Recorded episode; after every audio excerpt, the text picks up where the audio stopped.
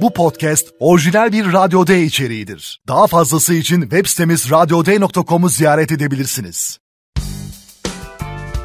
Güncel sanatta nüans. Hazırlayan ve sunan Zeynep Nur Ayanoğlu. Merhaba ben Zeynep Nurayanoğlu. Güncel Sanatta Nüans'a hoş geldiniz. Bu programda serbest veya bağlı çalışan sanat profesyonellerini konuk alarak üstlendikleri işlere dair somut koşulları irdeliyoruz. Güncel sanat dünyasında kim nerede nasıl ne yapıyor, hangi yönleriyle birbirinden ayrılıyor ve birbiriyle kesişiyor? Gelin beraber bakalım. Bugün konuğum İmalathane'nin sanat direktörü, sanat yazarı Murat Alat. Hoş geldin Murat, nasılsın? Hoş bulduk, gayet iyiyim. Ya sen nasılsın?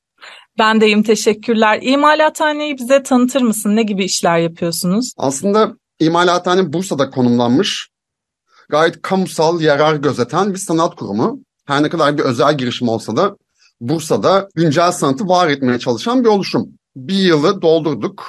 Önümüzdeki programlara bakıyoruz şu anda bir süre daha devam edeceğiz gibi gözüküyor. Bu iş kapsamında sen hangi görevleri üstleniyorsun? Sanat direktörü dedik. Sanat direktörü ne yapar imalathane için? Aslında imalathane için pozisyonum ilk başta daha farklıydı. Danışmanıydım. Oranın kurumsal altyapısını kurmaya çalıştık. Bir kere o altyapı oluştuktan sonra da şu anda sadece içerikle ilgileniyorum. Yani yapılacak sergilere karar vermek ya da etkinlikleri organize etmek, gerekli bağlantıları kurmak ve bir sergi programı çıkartıp kuruma bir kimlik kazandırmak. Yaptığım temel iş bu. Peki bu işler ve sanat yazarı kimliğin de var. Üstlendiğin kimlik yaşamının ne kadarını kaplıyor? Valla yani herhalde tamamını kaplıyor. Yani sanat yazarı olmak zaten biraz yani yazar olarak kendini addediyorsan hayatının bütün zamanını kaplayan bir şey. Yani sabah sanat düşünüyorsun, akşam sanat düşünüyorsun. Tek arkadaşların sanatçılar. Bu muhtemelen doktorlar için de böyle ama yani onlar için yine bazı kaçış alanları vardır en azından. Benim için öyle bir kaçış alanı hiç yok. Sadece sanatla ilgili insanlarla ailem dışında tabii ki takılıp sanatla ilgili şeyler düşünüyorum. Bir de yani bir kurumun sorumluluğu varsa üstünüzde öyle sadece mesaimi bitirdim ben gidiyorum işte haftada iki gün çalıştım gerisi beni ilgilendirir diyemiyorsunuz. Kurumun bir yıl sonrasını, on yıl sonrasını hesaplamanız gerekiyor. Bunun için adımlar atmak gerekiyor. Bunların hepsinin yükü var. O da aklınızdan kolay kolay çıkmıyor. E tabii bir yörünge çizmen gerekiyor ve o yörüngede olduğunda kontrol ediyorsun. Peki sanat yazarlığı üzerine biraz daha açmanı isteyeceğim. Çok hızlı gidiyoruz ama sanat yazarının yazma koşulları neler mesela? Sürekli okuduğunu, okuyan biri olduğunu biliyorum. Bunları açar mısın biraz? Yani sanat yazarlığının herhalde herhangi bir yazmak yazarlık gibi evet sürekli okuman gerekiyor. Bir de güncel sanatın yani ilgilendiği alanların genişliği düşünüldüğünde her konuda okuman gerekiyor. Yani öyle sadece ben işte sanat tarihi okudum işin içinden çıkamıyorsun. O yüzden siyasetten neuroscience'a bir sürü alanda okuman gerekiyor. Çünkü mevzu bahis sanat eserleri bu bir sürü alanda karşına çıkıyorlar. Ve ne zaman çıkacakları da belli değil. Yani bir sergi geldi. Aa o sergiden esinlendim şunu okuyayım diye bir şansın yok. O sergi geldiğinde senin hazır olman gerekiyor. Bunun için de aslında mesaili bir çalışan gibi sabah okumaya başlıyorsun. Akşam okuma bitiyor ve zamanını bu şekilde harcıyorsun. Bir taraftan yani güncel yazılanları okuman gerekiyor. Bir taraftan edebiyat okuman gerekiyor. Çünkü yaptığın şey aslında bir edebi tür. Yani edebi bir haz veremiyorsan aslında işini eksik yapıyorsun. Zaten bu da okuyucu nezdinde karşılığını buluyor. Ne kadar edebi olarak güçlü olduğum tartışılır ama bunun için çalışıyorum en azından. Yani bir taraftan bilgi, vizyon bunları geliştirmen gereken bir taraftan da bir edebiyatçı olmak için neler yapman gerektiğini bilmen gerekiyor. Ben çok geç başladım yazarlığa. Yani bir 7-8 yıldır yazıyorum. Muhtemelen 15-16 yaşında başlasaydım şu an çok daha kendimden memnun olacaktım. Aradaki farkı kapatmaya çalışıyorum çoğu zaman. E tabii pratik ettikçe iyileşiyor insan bu konuda da her konuda olduğu gibi. Peki işlerinin en çok emek yoğun olan tarafı nedir? Yo aslında bu az önceki sorunun cevabıyla aynı. Yani yani yaptığımız iş zihinsel bir iş ve gerçekten düşünmen gerekiyor sürekli olarak. Yani iki işinde yani sanat yazarlığında şöyle bir şey var. Sanat yazarlığında benim bulabildiğim bir kanon yok. Yani şu metinler okunmalı, şunun üzerine gidilmeli diye bir kanon yok. Bu yüzden de böyle bir göçebe entelektüel gibi pek çok disiplinde geziyorsun. E bu yoruyor insanı. Yani bir böyle dönüp soluklanabileceğin bir yer yok. Her disiplinin yabancısısın. Yani felsefecilere gidiyorsun bir amatör böyle çocuk felsefecisin. bilimcilere gidiyorsun. Onların yanında böyle kişisel gelişimcisin. Yani ama bunları bir arada tutman gerekiyor. İmalathane konusundaysa gerçekten oradaki stres çok fazla. Yani bir kurumun yani harcadığımız parayı ve iddialarımızı karşılayabilecek güçte bir şey ortaya çıkartmak bayağı stresli. Yani bin bir tane eleştiriye açık bir iş yaptığımız. Bir de kamuyla karşılaşmaya çalışıyoruz. E, bunun nasıl olacağı, sanatın bugüne kadar es geçildiği bir şehirde sanat kurumu yaratmanın zorlukları, bunun üstesinden gelmek. Yani zaten bunları düşünerek geçiyor hayatın büyük kısmı. Geri kalanı toplantılar, muhabbetler vesaire vesaire. Çevirmenler için söylenen meşhur bir sözü yankılamış oldun benim kulaklarımda. Çünkü her şey hakkında bir şey bilip bir şey hakkında hiçbir şey bilmeyen kişilerdir, uzmanlardır denir çevirmenlere. Bir çevirmen olarak bunu da araya koymuş olayım. Kanon eksikliğini söyledin galiba sadece Türkiye için değil ama dünya için de mi söylüyorsun bunu? Yani ben belki ulaşamamışımdır. Ama mesela ben sinema eğitimi aldım. Sinema kanonik metinleri vardır. Yani derlemelerde de vardır. Güncel sanat derlemelerinde kanonik metinler başka disiplinlerden alınmış metinlerdir. Yani ben belki vardır gerçekten tam emin değilim ama dünyada güncel sanat üzerine bir teorik çalışma yürüten bir üniversite varsa bile sayısı sinema üzerine ya da edebiyat üzerine teorik metinler üreten, teorik çalışmalar üreten üniversitelerin yanında çok az kalıyor. Yani biliyorsanız söyleyin ben başvuracağım çünkü. Ama gerçekten de yani bir ara alan olarak kalıyor hep. Ve işte bu meşhur Art and Theory adlı bir derleme içindeki metinlerin çoğu başka disiplinlerden alınmıştır aslında. Sosyoloji, felsefe, kent bilimi, işte gender studies gibi bir disiplinlerde ama aynısının film and teoriye baktığınızda sinema entelektüellerinin oluşturduğu metinler yığını vardır. En azından benim bugüne kadar karşılaşabildiğim metinler böyle. Peki Murat bir sanat profesyoneli nasıl kafa dinler? Senin için boş zaman nedir? Madem ki bu kadar yoğunsun ve 7-24 bu işle meşgulsün. Aslında yani boş zaman yani evde odamda kalıp müzik dinlediğimde oluyor. Ya yani o da bir entelektüel faaliyet bir yere kadar ama en azından uzaklaştırıyor. Yani o kadar dolu değilim bu arada. Zamanımın önemli kısmını boş tutmaya çok çalışıyorum. Yani hiçbir şey yapmadım. Yani bu, bunun için sosyal hayatımdan feragat ediyorum. Genelde evden çıkmayan bir insanım. Yani ama zam boş zamanımı eskiden film izlerdim. Artık o çok entelektüel olarak yüklü bir şey olduğu için ondan kaçmaya başladım. Artık sadece dünyanın dört bir yanından müzik dinleyerek zamanımın ciddi bir kısmını öyle değerlendiriyorum. Peki bu entelektüel yükü sırtından atmak için yaptığın başka şeyler var mı? Mesela boş boş tavana bakar mısın? Yani yok yani şöyle garip benim müzik dinlemediğim 5 dakika bile yok. Yani şu an seninle konuşuyoruz o yüzden durdu.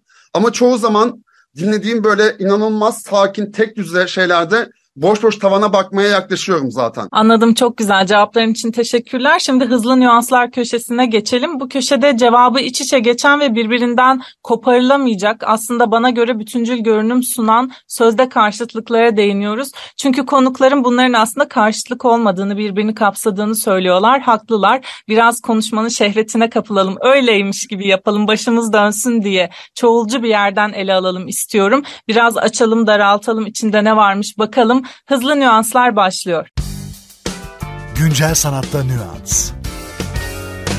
Murat, çağdaş sanat mı, güncel sanat mı? Ya bu soru kavga çıkartan bir soru biliyorsun. Ve yani bu kadar kavgaya gerek de yok. Yani bu kavganın sebebi Türkiye sanatındaki kamplaşmalar. Yani bunları tutan insanlar bazı kampları temsil ediyorlar. Ve bazı hepsinin teritorisi var. Yani sen günceli kullanıyorsan şu cenahtansın, çağdaşı kullanıyorsan bu cenahtansın diye bir anlayış var. Yani bütün çatışmanın temelinde. Sonra zaman içinde bu tabii kimin neyi savunduğu falan bayağı karıştı. Benim geldiğim ortamda biz güncelik kullanırdık. O yüzden güncel bana daha yakın. Ama çağdaş kelimesinin Türkiye'de yani Türkçe'de böyle bir pozitif etkisi var. Yani çağdaş olan güzel, çağımızın sanatı gibi ama yani contemporary hayat bunu temsil etmiyor. Yani o yüzden güncel biraz daha iddiasız bir kelime olduğu için de günceli daha seviyorum. Güncel, gelip geçici, andık bitecek. Yani onun iddiasızlığını seviyorum. Ama çağdaş olunca yani işte bu çağdaşlaşma projemizin sonucunda ortaya çıkmış muasır medeniyetler seviyesine erişmiş bir sanat falan filan gibi algılandığında sorun oluyor. Yani çağdaş çok büyük yük yüklüyor bence. Yani bunun temeli yani kelimenin İngilizce karşılığı metinleri okuduğunda aslında zamanla böyle geçici ilişki kuran sanat demek. En azından benim çıkarımım bu. Bu geçici ilişkiyi de bence güncel daha iyi temsil ediyor. O yüzden hem alışkanlıktan dolayı hem de teorik olarak da daha doğru bulduğum için günceli tercih ediyorum. Kurumsal mı kolektif mi? Yani işte evet yani dediğin gibi bunun ikisi iç içe geçiyor. Şimdi şöyle yani yine Türkiye'de baktığımda pek çok hareket kolektif başlıyor. Ne kadar kurumsal gözükse de. Herkes elini taşın altına sokuyor. Ama bir süre sonra kurumsallaşıyorsun doğal olarak. Ki Türkiye gibi sanat kurumlarının eksik olduğu bir yerde bu çok önemli. Ama kurumsallığın zirvesine çıktığında da kolektif yapını eksiltirsen yani şöyle örnek vereceğim. Biz imalathanede bir kurum kurmaya çalışıyoruz. Ama imalathanenin altında sürekli temas halinde olduğumuz sadece imalathane için danıştığımız alanlarında uzman insanlarla gidiyoruz. Yani bir hiyerarşi kurmadan pek çok insanı düzenli olarak dahil ediyoruz sürece. E onun dışında sanatçılar, davet ettiğimiz sanatçılara ilk söylediğimiz şey biz bir kurum olmanın gerekliliklerini yapacağız. Ama bunun karşında bizim bir kolektif ruhla hareket ettiğimizi bilmeniz gerekiyor. Bu yüzden bizim avukatımızdan ışık tasarımcımıza kadar herkes bu kolektif ruh içinde hareket edebilecek insanlar olmalı. Yani bunun da sebebi alan çok zor bir alan. Yani uncharted, haritalandırılmamış bir alan. Bu alanda hızlı hareket etmek istiyorsan yani kurumu kurmadan önce çok dinamik şekilde hareket etmen gerekiyor. Kolektivite bunu daha rahat sağlıyor. Belirsiz mi tanımlı mı? Valla yani benim ruhum tanımlıyı seçerdi. Çünkü belirsizlikler içerisinde kaybolup duran birisiyim. Yani ama tanımlı bir dünyada olsaydı da muhtemelen kaçmak için çabalayacaktım. Yani belirsizlik çok ciddi anksiyete, duygu durum bozuklukları yaratıyor. Ve yani içinde kalması çok zor. Pek çok insanın bu yüzden dışarı kaçtığını da biliyorum. Türkiye sanat dünyası inanılmaz belirsiz. Yani hangi eserin ne değerde olduğu maddi manevi belli değil. Geleceğimiz belirsiz. Yani ve bu belirsizliğin içerisinde delirmemek işten değil. Yani herkes girip kaçıp tekrar giriyor. Ama bu belirsizliğin de verimli olduğu bir yer var. Bu bilinmeyen topraktan çok güçlü şeyler fışkırabiliyor. Ve ben ne yazık ki yani her ne kadar tanımlı olması için dua etsem de belirsizliğe minnettarım. Yani benim de bir kıymetim varsa kendi ruh halim belirsizliğinden geliyor. Kapsayıcı mı kesişimsel mi? Aslında burada yani teorik olarak cevap verdiğimde kesişimsel olması gerekiyor. Yani kapsayıcının hayır burada aslında demişler ya sana yani bütün şeyler aynı kapıya çıkıyor. İki, iki, iki karşıtlıkta aynı şey gibi. Bunlar birbirinden tamamen farklı. Yani burada öyle bir şey yok. Yani kapsayıcı her zaman dışarıda bırakır. Yani bir şeyleri kapsadığın zaman muhtemelen dışarısını da yaratırsın. Dışarıda her zaman birileri kalır. O dışarıda kalanlar mağdur olur. Onlar üzerinden tekrardan bir gerilim yaratılır. Yani bu bizim Türkiye'de modernleşme sürecinde gördüğümüz bir şey. E, Türkiye geçtik bütün modernizm zaten bunun üzerine kurulu. Yani herkesi kapsayamazsın ama yoluna çıkanlarla ortaklık kurabilirsin.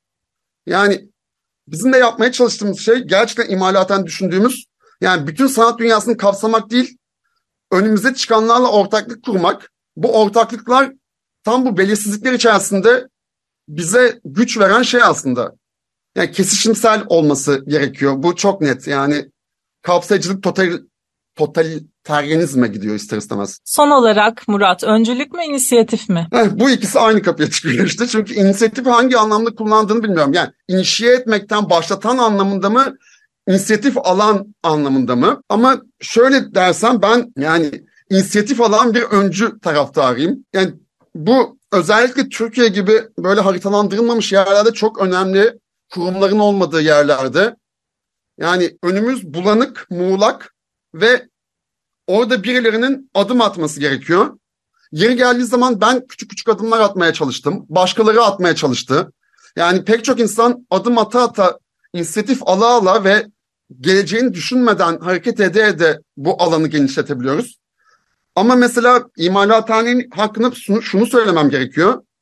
Yani ben artık yorgun olduğum bir dönemde imalathane projesi kapımı çaldı ve ve mesela ben bu kadar belirsizliğe muhtaç olsam da belirsizlikten kopamasam da belirsizliğe dayanamayan birisiyim. Ve imalathane gibi belirsiz bir projeye ben 5 yılda başlardım. Yani her şeyi ölç, tart, analizlerini yap, araştır, tanıştır. Ama Bora Gürar'dı işte kurucu direktör. O mesela öncülük rolü oynayarak neredeyse sonunu düşünmeden atladı içine ve biz 6 ayda kurduk. Yani bu şimdi büyük bir amatörlük gibi aslında ama ortaya çıkan şeyin tutarlılığına bakınca en azından bir sene gibi kısa bir süre için bile olsa geleceğimizi düşününce o öncülük etmeseydi ben bin bir tane hesabı yan yana koyacağım da ondan sonra görüşmeler yapılacak bir sürü bir sürü bir sürü hiçbir şey çıkmayacak sonra ben yorulacağım zaten. Yani o yüzden inisiyatif alan öncülere ihtiyacımız var. Yani tabii ki kurumsal yapıların daha yerleşik olduğu coğrafyalarda ya da düzenlerde kurumsal yapı zaten ilerliyor ya da hayatın hareketine yön veriyor. Ama Türkiye'de özellikle sanat alanında hiçbir kurumsal yapımız yokken yani şu anki kurumlar çok tazeler artık onlara kendi kurumsallıkları biraz tepeden inme bir şekilde yani İKSV dışında. Yani o yüzden öncülük gerekiyor ki bu kurumların hepsi de öncüler sayesinde kuruldu. Beğenelim ya da beğenmeyelim. Bence şu an Türkiye'deki en büyük eksiğimiz yani benim kuşağım ya da gördüğüm insanlar arasında öncülük edecek güçte kimse kalmadı. Herkes çok yorgun. Yani birilerinin inisiyatif alması ve ufkumuzu açması gerekiyor. Hepimiz çünkü çok yorgun hissediyoruz. Yanıtların ve katılımın için çok teşekkürler Murat. Seni dinlerken format gereği cevap vermedim ama kafamın içinde kalacak şekilde münazara yaptım. Çok hoş oldu gerçekten. Teşekkürler. Sağ ol. Bugün İmalathane'nin sanat direktörü, sanat yazarı Murat Alat'la birlikteydik. Güncel Sanatta Nüans'ın sonuna geldik. Bir sonraki bölümde görüşmek üzere. Hoşçakalın. Güncel Sanatta Nüans